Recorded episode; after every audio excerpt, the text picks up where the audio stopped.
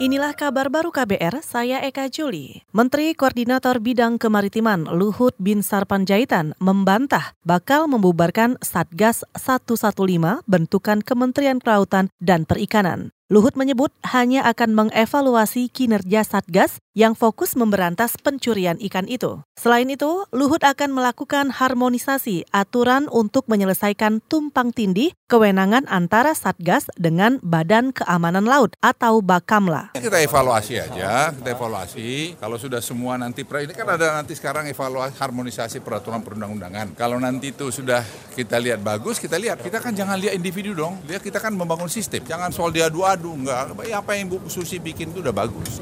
Iya, karena Coast Guard itu tidak penuh anu dia kewenangan dia sebagai Coast Guard. Ya, jadi bukan salah dia. Kita yang salah yang membuat dulu. Kita akan harmonisasi jadi kewenangan yang ada di perhubungan harus dia ada ke dia. Jadi dia akan kuat sekali nanti. Menko Kemaritiman Luhut Bin Sarpanjaitan meminta tidak ada pihak yang membenturkan dirinya dengan Menteri Kelautan dan Perikanan Susi Pujiastuti. Sebelumnya, Luhut menyebut tidak membutuhkan keberadaan Satgas 115 dalam memberantas pencurian ikan. Menurutnya, tugas itu bisa dijalankan oleh Bakamla.